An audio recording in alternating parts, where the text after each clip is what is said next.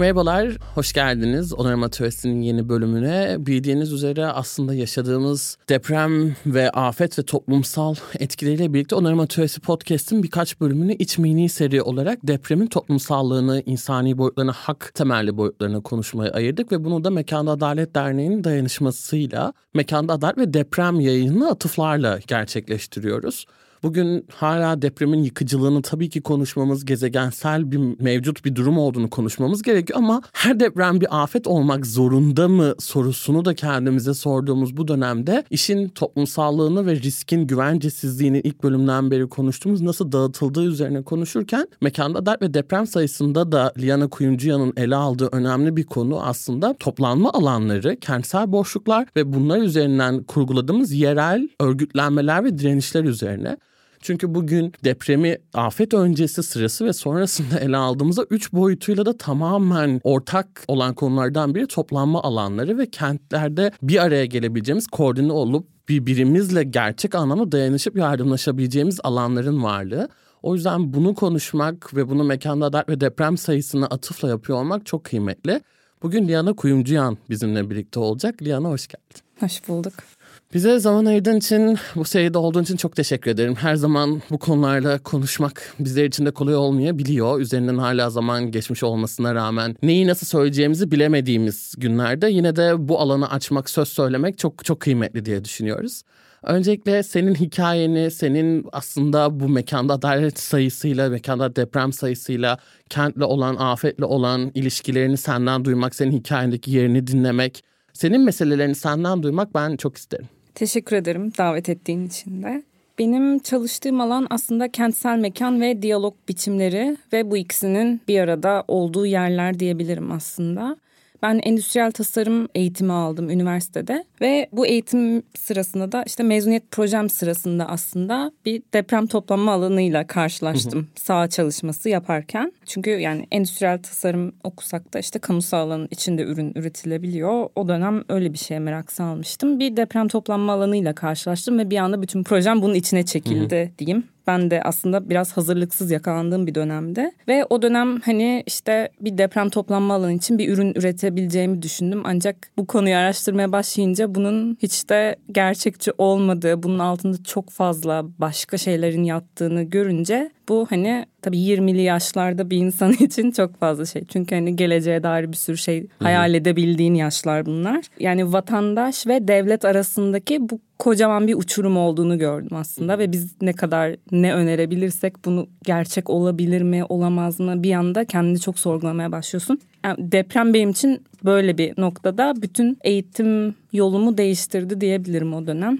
Bunun üstüne işte sosyal tasarım ve kent çalışmaları alanlarında iki ayrı yüksek lisans yapmama sebep oldu diyebilirim bu mezuniyet projesi ardından. Sonrasında deprem ve deprem toplanma alanı üzerine spesifik olarak çalışmaya devam etmedim. Çünkü hani buradan çıktıktan sonra işte bu diyalog meselesi beni çok çekmeye başladı. Çünkü deprem de depremin ardından olan her şeyde bir iletişim biçimi aslında. Yani arkasından koordine edilecek her şeyin devletten, belediyelerden, muhtarlıklardan gelecek olan ve vatandaşa gelecek olan bütün yardım bu iletişim ağlarıyla oluşması gereken bir şey ve bugün iki hafta önce yaşadığımız depremle de bunun ne kadar orada olmadığını gördük aslında iletişim hatlarının kesilmesiyle birlikte yani bütün iletişimin yok olması bu çok korkunç bir şey yani. Buna bir alternatif sunabiliyor olmamız lazım bizim artık 2023 yılında. Tam olarak dertlerim bunlar oldu aslında. Ve yani deprem konusuna ara vermiştim.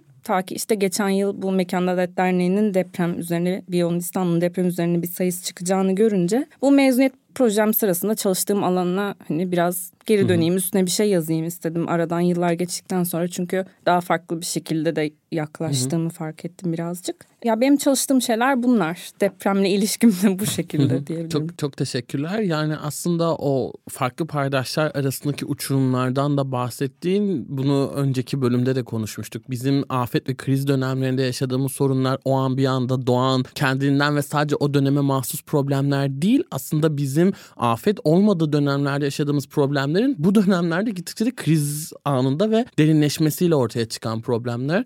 Bu yüzden mesele edindiğimiz konuların devamlılığını sağlamak özellikle kriz dönemlerinde daha da önemli bir hale geliyor. Çok teşekkürler. Burada biraz daha depremin toplumsallığından bahsediyoruz. Üçüncü bölümde de aslında. Sen depremin toplumsallığını, insan hakları ile olan bağını bu afeti nasıl değerlendiriyorsun? Ya aslında insan hakları dediğimiz zaman ortaya bir gerçeklik konusu geliyor bence ilk olarak. Çünkü deprem gerçekliğini iklim krizi gerçekliğiyle biraz benzetiyorum hı hı. ben. Çok böyle göstere göstere gelen bir şey olmadığı için bunun gerçekliğini hala sorgular haldeyiz. İklim değişikliği için de son 10 yılda olan hı hı. şeyler işte inkar edilmesi gerçek mi değil mi? Yapılan tartışmalarla deprem de biraz öyle. Yani televizyona çıkan her bilim adamı farklı bir bilgi verebiliyor deprem Hı-hı. konusunda. İşte korkmayın denebiliyor, korkun denebiliyor ve bunun arkasında yatan bazı politik sebepler olabiliyor. Korkun ya da korkmayın derken Hı-hı. ve kime nasıl güveneceğimizi, hangisinden doğru bilgi aldığımızı biz çok bilemiyoruz. İşte bu noktada insan hakları dediğin şey bence aşırı önemli bir hale geliyor. Çünkü insanın bir en temel hakkı yaşamak. Bununla bağlantılı olarak da doğru bilgi edinebilmek, doğru şeylere erişebilmek, imkanlara, temel imkanlara erişebilmek bizim temel haklarımızdan biri. Ve ne yazık ki şu an bu doğru bilgiye erişemediğimiz çok kafa karıştıran bilgilere, kutuplaşmış bilgilere eriştiğimiz bir dönemdeyiz. Bunu da aslında eğitim ve eğitime erişimle de biraz bağlantısı var sanırım. Yani doğru bilgiye erişmekle eğitim konusu yani eğitim nasıl biraz politize oldu artık bu dönemde kimler eğitime erişebiliyor, erişemiyor. Yani bu konu bile hala ne yazık ki ülkemizde çok hassas olduğu için aslında aktif eğitim, işte aktif vatandaşlık yani bütün bunları konuşabilmek için de önce başka en temel haklara bizim erişebiliyor olmamız lazım. En temel işte yaşam hakkına, gıda erişimine, belli bir ekonomik seviyeye bütün bunlara erişemedikten sonra işte aktif yurttaşlık da diyebiliriz, eğitim de diyebiliriz. Bunlar hep ikinci plana itilmek zorunda kalıyor ne yazık ki. Bununla bağdaştırıyorum biraz sanırım. E, çok çok kıymetli. Özellikle yaşam hakkı ve bununla gördüğümüz üzere doğrudan bağlantılı olan insani barınma hakları, nasıl barındığımız, hangi koşullarda, yaşamlarda barındığımız çok çok önemli. Burada özellikle doğru bilgi edinebilmek, eğitimle olan ilişkisi yani afet döneminde de aslında ortaya çıkardığım şey hakların bir bütün olduğu, arasında bir hiyerarşi olmadığı ve hepsinin nasıl birbiriyle bağlantı noktasında olduğunu görmek bu bakış açısıyla da bence çok çok kıymetliydi. Ve bugün en temel haklara erişemediğimiz bir kriz anında ele alırken aslında her şeyin daha riskli boyuta gitti ve bu riski kimin üstlendiği üzerine de daha fazla kesinlikle konuşmamız gerektiğine ben de inanıyorum. Buradan bağlı olarak da sence depremdeki tüm mesele fiziksel sağlamlık mı?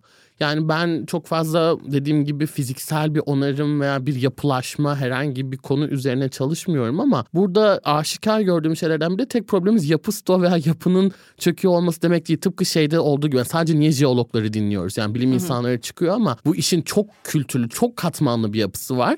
Burada sadece jeologları dinlememiz kadar sadece yapıyı konuşmamızın da çok yanlış olduğunu inanan bir taraftan. Tüm mesele sence fiziksel sağlamlık mı ve depreme hangi bakış açılarından bakma noktasında eksik kalıyoruz bugünlerde?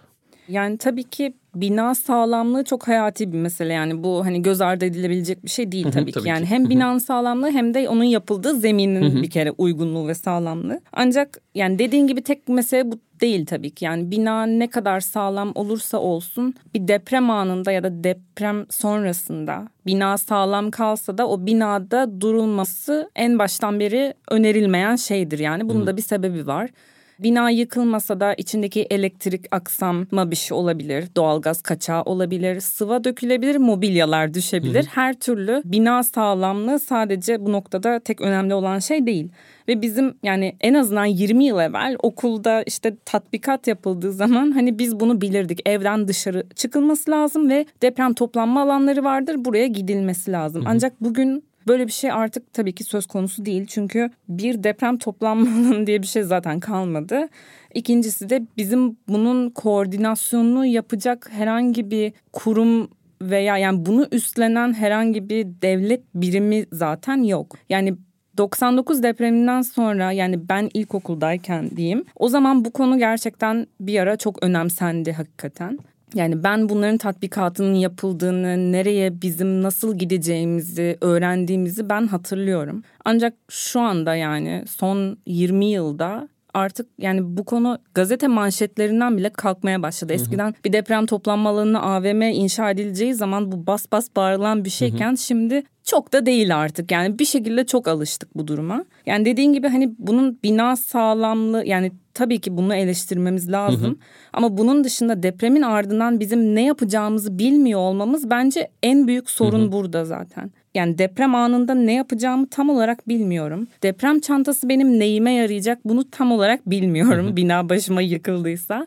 Yıkılmadıysa dışarı çıkabildiysem ondan sonra ne yapacağım, nereye gideceğimi bilmiyorum. Yani bunu iki hafta evvel olan depremde ne yazık ki gördük. İnsanlar binasının önünden gidemedi. Çünkü eşyaları var içeride. Bırakamadılar evlerini orada. Yani yakınlarının hı hı. korkusunun dışında bir de eşyalarını korumak istedi insanlar. Ardından gelen ikinci depremde, iki gün evvel olan üçüncü büyük depremde bir sürü insan bu yüzden yaralandı ve hayatını kaybetti. Tekrar hı. o binalarda oldukları için. Yani bunun yapılmaması gerektiğinin bizim zaten biliyor olmamız lazım. Nereye gideceğimizi biliyor olmamız lazım. Ardından ne yapacağımızı, nasıl hareket edeceğimizi zaten biliyor olmamız Hı-hı. lazım. Yani sadece konuyla ilgili olan insanların biliyor olması yetecek bir şey değil. Hı-hı. Çünkü işte bu dedim yani iklim kriziyle çok benziyor birazcık buna tutumumuz. Yani bu gerçek mi değil mi? 2095 diyen biri var. Yani ben görmeyeceğim bu depremi deyip hı hı. mesela önemsemeyen çok büyük kitleler var. Evet. Yani yüzde bir ihtimal bile varsa bunu bizim düşünüyor olmamız gerekiyor bence. İşte bunları tartıştığımız noktalarda da ne yazık ki çok fazla kutuplaşmış fikirlerle bir arada kalıyoruz. Hiç ortak bir noktaya varamadığımız yerlere gidiyor konuşmalar. Kesinlikle yani özellikle iklim kriziyle birçok açıdan gerçekten çok bağdaşıyor. Yani hem bu konuya tek kör nokta perspektiflerden bakmamız yönünden tutalım da aslında işi gerçekten sahicilikle yapamıyor oluşumuza, ciddiye alamıyor oluşumuza ve en en önemlisi de ikisinin de çok temel bir hak ihlali, insan hakkı ihlali Hı-hı. olmasıyla iklim kriziyle çok benzeşiyor ve toplanma alanların olmayışı aslında beraberinde tüm krizin derinleşmesini ve ölümü temelinde bu örnekte de gördüğümüz üzere getiriyor ve insanların güvencesiz kalmasını sağlıyor. Yani bu direkt insanın hakkıyla bağdaşan bir konu. Yine aynı şekilde Mekanda Dert ve Deprem yayındaki yazıya da atıfla biraz daha toplanma alanları mevzusuna da girecek olursak yani toplanma alanlarıyla insan hakları arasındaki ilişkiyi biraz daha açmanı rica edebilir miyim? Şimdi toplanma alanı dediğimiz şey aslında depremin ardından her binaya atanmış belli yerler var kent içerisinde. Yani aslında bir mahallede yaşayan her insana tek bir toplanma alanı atanmıyor. Hı hı. İnsanların dağıtılması öngörülerek hı hı. yapılmış bir plan idi bu eskiden. Çünkü bu deprem toplanma alanlarının yanında da aslında çadır stokları, gıda stokları, battaniye gibi tuvalet alanlarının olacağı, sağlık ocaklarının olacağı bir yapı ile aslında planlanmıştı. Hı hı. Deprem toplanma alanı dediğimiz şey. Bugün tabii böyle bir yapı yok. Bugün işte İBB'nin mesela sitesine girdiğin zaman senin apartmanının hangi deprem toplanma alanına gitmesi gerektiğini görebiliyorsun. Bu bilgi var. Ancak bu deprem toplanma alanları bugün çocuk parkları çok minik kalmış yeşil alanlar, otoparklar ve okul avluları ya da bahçeleri deprem toplanma alanı dediğimiz şeyin bir boşluk olması lazım. Hı hı. Yani buradaki ağaç bile bir tehlike teşkil eder normalde ki elektrik direklerinin olduğu yerleri, yapıların olduğu yerleri, duvarların, çitlerin olduğu yerleri deprem toplanma alanı olarak atamak zorunda kaldık. Yani bunun çok garip olduğunu düşünüyorum. Yani internete girip bakarsanız bir deprem toplanma alanı nasıl olması gerektiğine dair belgeler var. Liste halinde işte Avrupa Birliği tarafından ya da başka şeyler tarafından hazırlanmış bilgiler var. Bunlara baktığımız zaman bizdeki deprem toplanma alanları bunların iki maddesini bile karşılamıyor neredeyse. Hı hı. Böyle olunca tabii ben deprem olduktan sonra herhangi bir okulun avlusuna gider miyim emin olamıyorum. Hı hı. Ya da bana atanan işte bir parka gider miyim yoksa orada tepeme bir elektrik direği mi düşer? Hı hı. Bundan emin olamıyor olmak beni mesela korkutuyor ve bu plansızlık ya da bu mekansızlık da beni hı hı. korkutuyor. Yani bu konuyu çalışan insanlar bir de bunun hadi biz bilincindeyiz diyelim. Bir de bu deprem toplanma alanlarının varlığından haberdar olmayan çok büyük bir kesim var. Yani kaç kişi belediyenin sitesine girip kendisine hangi deprem toplanma alanı atanmıştır bunu biliyor. Çok emin olamıyorum. Yani benim en azından çevremdeki kimse şimdiye kadar bakmamıştı meraktan sorduğumda da. Yani bu bilmeme hali de işte deprem ardından oluşan kaosun en büyük sebebi olacak olan şey işte iki hafta önce olan yani bu doğudaki depremde gördük işte yollar kırıldı, ihtiyaçlar rahatça oraya ulaşamadı. Bir sürü ulaşım problemi yaşandı ve bir sürü yardım da üç gün dört gün sonra oraya iletildi. Bunun mesela İstanbul gibi bir yerde olduğunu hayal etmeye çalışalım. Yollar diyelim o şekilde zarar görmedi ama herkes sokakta böyle bir yardımın ulaşmasına zaten imkan olmaz. Hı hı. Ya da kendisine hangi deprem toplanma alanının atandığını bilmeyen insanların bir yerde yığın oluşturması yine herhangi bir yardım yapılabilmesini kolaylaştırmaz. Bu yüzden de gerçekten hareket planının yani kimin nereye gideceğinin herkes tarafından çok net biliniyor olması lazım. Bunun bilinmesi insanlarda zaten o an en azından ne yapacağını bilmesine ve o kişinin kendi içerisinde bir kaos yaşamamasına da yardımcı olacakken büyük ölçekte de bir kaos yaşanmamasına sebep olacak bir şey aslında. Ama işte bu bilginin dağıtımı ya da bu bilginin yapılması bizim yani vatandaş olarak sadece yapabileceğimiz bir şey değil ne yazık ki. Yani bunun devlet tarafından ya da devletin diğer birimleri tarafından insanlara verilmesi gereken bir şey. O yüzden hani ben bazen böyle bireysel de işte bir şeyleri dönüştürmeye çalışıyoruz. İşte iklim krizinde, hava kirliliği konularında mesela işte veganlıkta bireysel olarak bazen çok şey üstümüze almaya çalıştığımızı ben düşünüyorum ama hani bizim yapabileceklerimiz bir yere kadar. Yani biz bizim vere, başkasına verebileceğimiz bilgi de bir yere kadar. Çünkü biz gerçekten doğruyu biliyor muyuz ondan da hiçbir zaman emin olamayız. Ortak bir bilgi üretilmesi ve bu bilginin doğru bir şekilde ve eşit bir şekilde, adil bir şekilde herkese ulaşılabilir halde verilmesi gerekir. Bunu da devlet ve onun bünyesindeki belediyeler ve muhtarlıklar tarafından yapılması gerekir. Evet. Yani özellikle onarım teorisinde genel olarak savunduğumuz alanlardan biri bireyin bir çıkış ve kaçış noktası olarak hep öne atılıyor olması.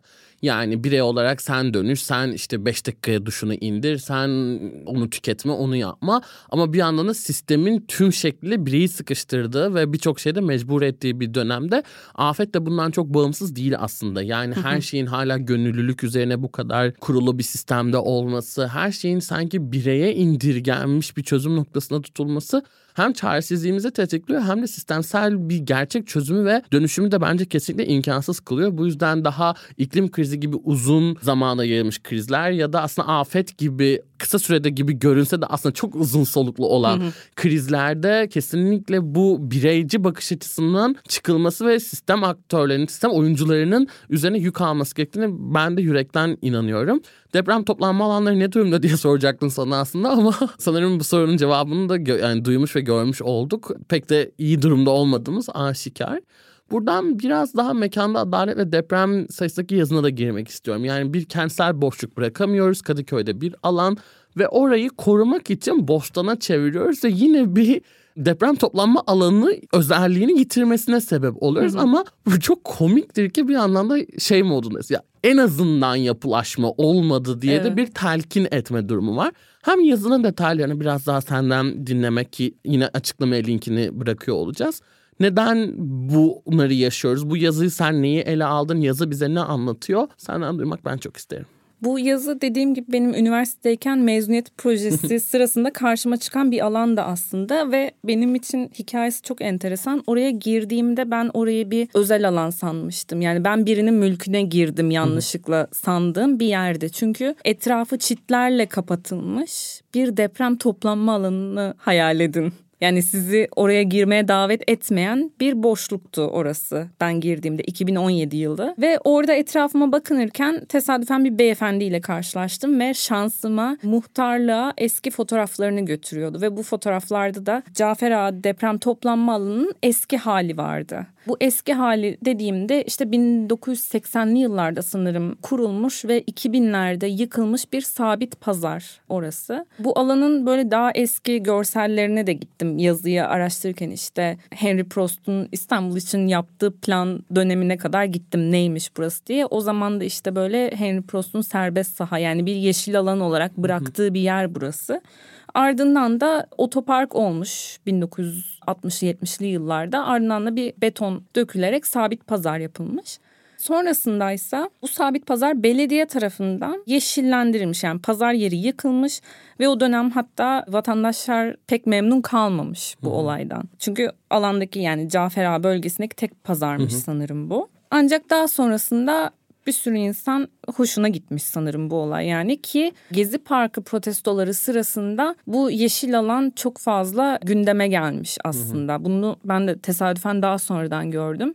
Gezi Bostanı diye adlandırdıkları içerisinde ufak bir bostan yapmışlar ve orası için bir otopark yapma kararı hı hı. çıkmış ve onu protesto etmek için Gezi Parkı olaylarından da ilhamla orada böyle bir işgal yöntemiyle o alanı korumuş Kadıköylüler, Cafer Ağa dayanışması topluluğu. O yüzden benim çok ilgimi çekti bu alan. Yani ilk başta çok da istenmemiş bir boşluk olması ama ondan sonra da insanlar hani bunun gerekliliğini görüp orayı korumak için gerçekten uzun süre mücadele vermişler. Ben de o beyefendiyle karşılaştıktan sonra bir anda aslında ilgim arttı. İşte muhtarlıkla konuştum. Hani burası bir deprem toplanma alanı neden bu kadar boş tutuluyor yani çünkü bir yandan da atıl da bir hali vardı o dönemde. Aslında oranın bir çadır alanı olduğunu da öğrendim. Hı hı. Yani deprem toplanma alanı ile çadır alanı arasında da bir fark olduğunu o zaman öğrendim. Tabii biz İstanbul'da o kadar karşılaşmıyoruz ki böyle boşluklarla bunların arasındaki farkları da çok bilmiyoruz.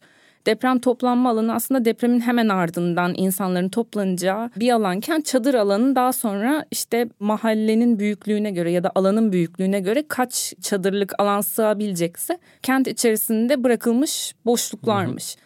Ve Cafer Ağa'daki bu toplanma alanında 80 kişilik bir çadır alanıymış aslında. Hemen yanında bir sağlık ocağı bulunuyordu, muhtarlık bulunuyordu ve iki taraftan da geçişi vardı. Biri Şair Nefi Sokak tarafı, diğeri de Moda Bostanı sokağa çıkan böyle bir minik merdiven vardı. Hı hı. Ancak bu alanın atıl kalmasının sebebi ilk olarak bu alanda bulunan elektrik direklerinin etraftaki apartman sakinlerini rahatsız ediyor olmasıymış. Bu nedenle de geceleri oradaki aydınlatma çalışmıyor. Birinci sebep bu karanlık. Bir yanda alanın tekinsizleşmesi. Akla böyle kaydoluyor tabii. İkincisi de Moda Bostanı sokağa çıkan merdivenlerin çok dar ve ufak olması ve bu karanlık sebebiyle orada gençlerin içki veya uyuşturucu kullandığı gibi bir sebep. Böyle yerleri işte tekinsiz diye addedip ondan sonra kullanımdan tamamen çıkarttığın zaman da işte biz boşluktan korkmaya başlıyoruz. Çünkü hani burası nedir yani bu çok garip bir olay. İşte evsizler deniyor, uyuşturucu kullanmak deniyor, işte birileri burada içki içiyor deniyor. Yani tamam yani biz kentte hepimiz birlikte yaşıyoruz. Hı hı. Evsizlerle ya da içki içen gençlerle ya da her neyse yani. Öncelikle bir alanı kimin kullanıp kimin kullanmayacağına nasıl karar vereceğiz? Bir insanın bir yeri tekinsizleştirip tekinsizleştirmeyeceğine kim nasıl karar verecek? Daha önce bu alanda nasıl kötü bir şey yaşandı hı hı. mesela? Yani buna dair hiçbir şey yokken bir anda işte karanlık olduğu için bir yerin geçişinin dar olduğu için bir şekilde bir şeyler yaftalanıyor ve biz ondan sonra orayı bir şekilde kötü bir yer diye kodluyoruz. Hı hı. Ancak bu hani sadece Cafer Ağa'daki bu alana yapışmış bir şey değil ne yazık. Yani İstanbul'un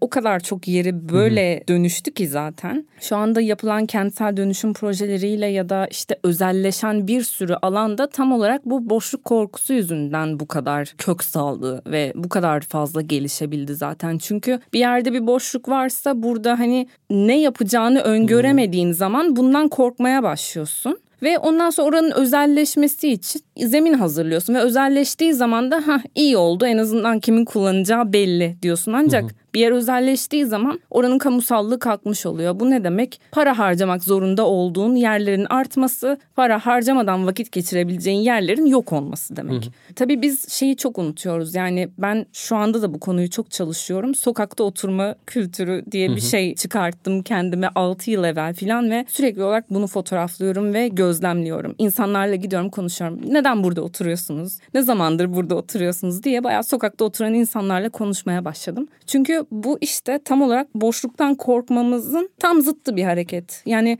Bizim kültürümüzde ve hatta bir sürü Akdeniz ülkesindeki kültürde sokakta oturmak diye bir şey var. Biz sandalyelerimizi, taburelerimizi, yastığımızı alıp sokakta oturabiliyoruz. Hı. Ya da daha bizim yaşımıza dönelim biramızı alıp bir hı evin girişinde oturabiliyoruz mesela. Bu bize çok yabancı bir hareket değil. Ve hani bizim aslında bu tür boşlukları böyle değerlendirebileceğimiz durumlar varken ondan korkmayı seçmemiz bana bir yandan da çok yabancı bir şeymiş gibi geliyor. Hı hı. Çünkü bizim kent kullanma biçiminde yani Osmanlı İmparatorluğu'ndan itibaren bizim evimizin ve dükkanlarımızın önü bizim kullanım hakkımızdayken yani çok uzun yıllardır bizim kültürümüzde var olan bir şey bu sokak kullanımı ve şu an bundan korkmaya başlamak yabancı bir şey bu. O yüzden de ya tabii ki bu yabancılığı işte besleyen çok başka şeyler var. İşte İstanbul'un global kent olması, küreselleşen kent olması, bir megapol işte olması, çok fazla yabancı diye adlandırdığımız hı hı. insanın gelmesi, nüfusun artması. Tabii ki bütün bunlar etkiliyor bu kültürün yok olmasını, kenti kullanma biçimimizi değiştirmesinde ama yine de eğer biz kendi sokağımızda var olmazsak ve onu kendimiz kullanmazsak tabii ki ondan korkmamızı evet. gerektirecek diğer şeylerin gelmesini de engelleyemeyiz. Evet yani yazıyı da okuduğumda boşluktan korkma yani o tanımlayamadığım şeyin bu olduğunu görmek bende çok farklı düşünme kapılarını da açtı. Yani dediğim gibi bostan yapalım ki dönüşmesin, yapılaşmasın hı hı. bir şekliyle hala bir nebze bizim kalabilsin söyleminden bir mekanın tekinsizleşmesi çok önemli bir konu ki bunu yakın çevremde de gözleyebiliyorum. Yani gerçekten yürüdüğümüz yolda boş bir alanı garip garipsiyoruz. Yani sanki şehrin her alanı bir imar alanı, bir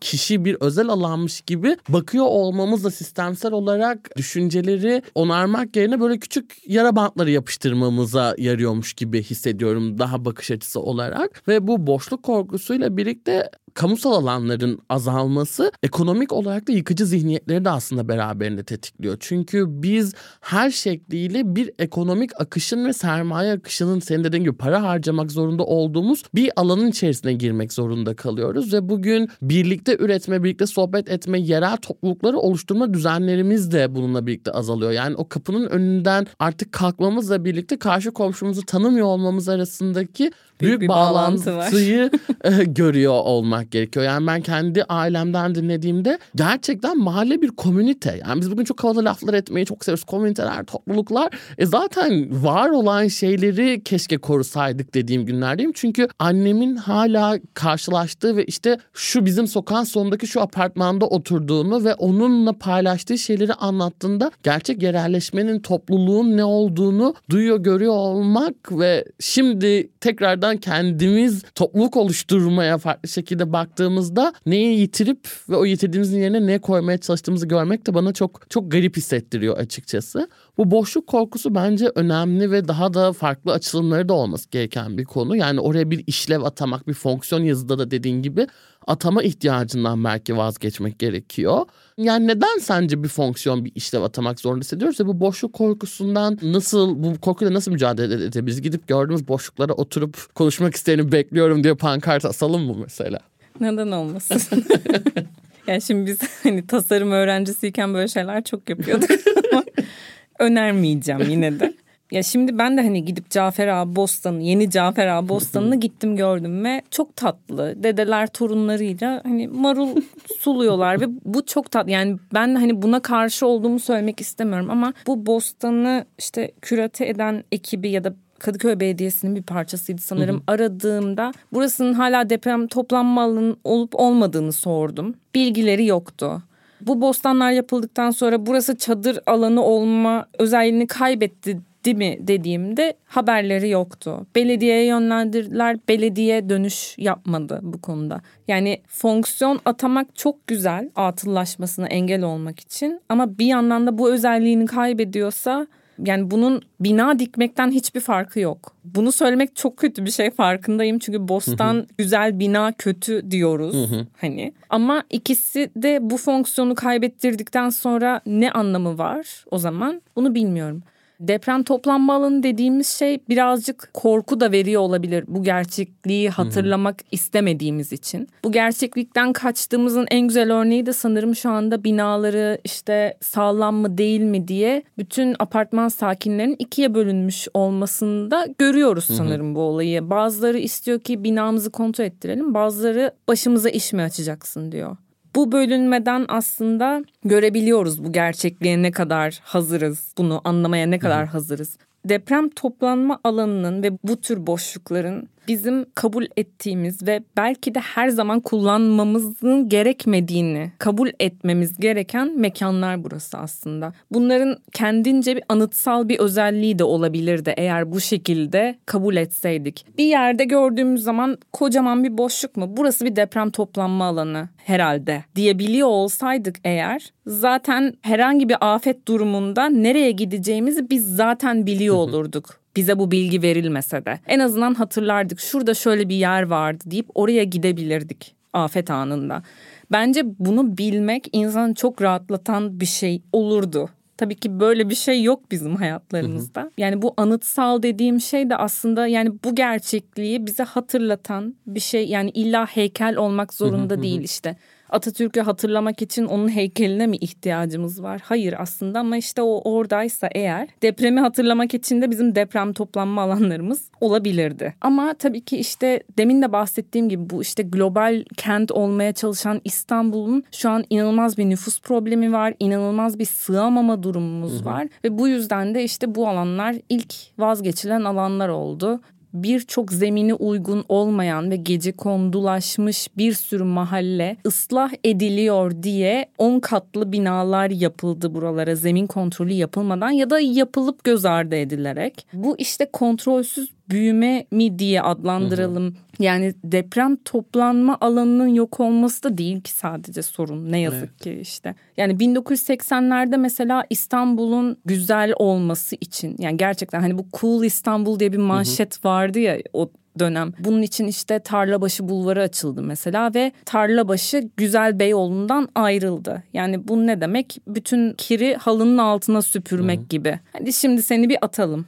Ama şimdi gün geldi tarla başına da ihtiyaç duyuldu çünkü Beyoğlu'na sığılmıyor. Şimdi ne yapalım tarla başını da güzelleştirelim o zaman ama bunu nasıl yapacağız? Tarla başındaki insanları atalım. Yani 40 yıl evvel TÜKAK'a diye ayrılan kentsel mekanlara bugün bizim ihtiyacımız var. O yüzden de şimdi insanlarını atıp kentsel mekanı kullanalım diye farklı bir politika izlemeye başladık. O zaman yapılan da şey doğru değildi. Şu an yapılan şey de doğru değil ama hani biz zaten bu kötü mekanlara tercih etmeye başladıysak deprem toplanma alanları bundan çok evvel zaten gözden çıkarıldı. Yeşil alanlar gözden çıkarıldı. Kaç tane parkımız var İstanbul'da desek sayabiliriz bence.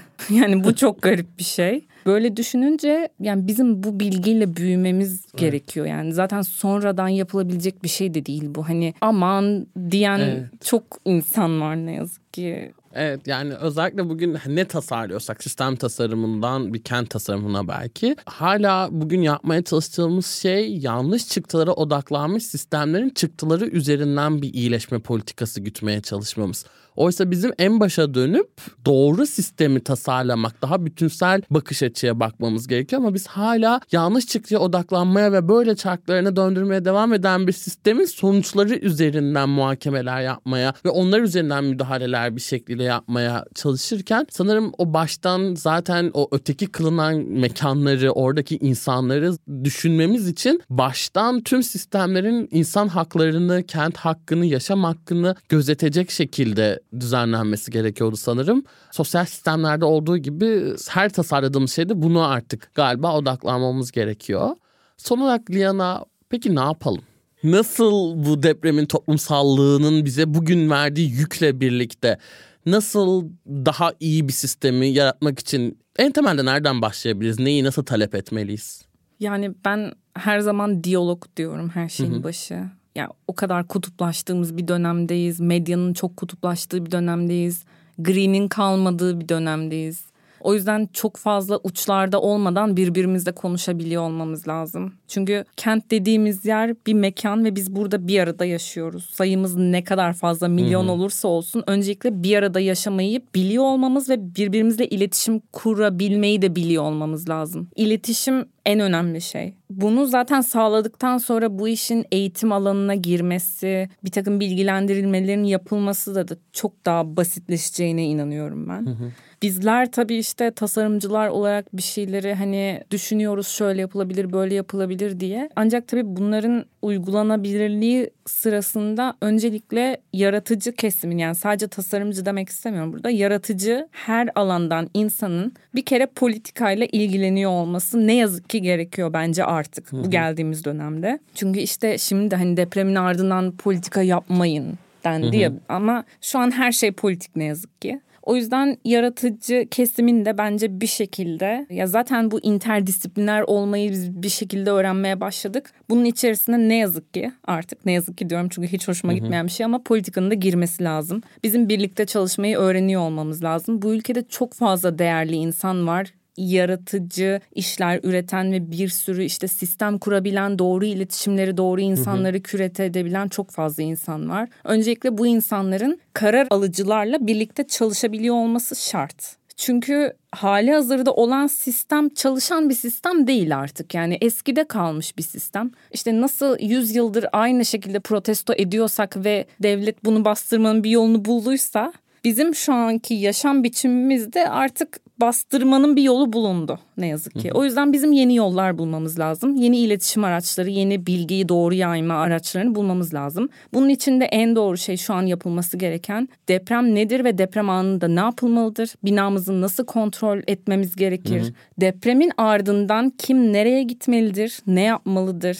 İhtiyaçlar nereden temin edilir gibi çok kapsamlı bir şeyin devlet kurumları tarafından hazırlanması Sadece dev, yani işte bu yaratıcılarla birlikte belki doğru araştırmacılarla birlikte doğru bilginin üretilmesi ve bunun belediyeler ve muhtarlıklar tarafından herkese online veya mektup formunda ulaştırılması şart. Çünkü işte şimdi sosyal medyadan görüyoruz. İşte zemin kata inin binanızın şu şeyine bakın çatlak var mı yok mu?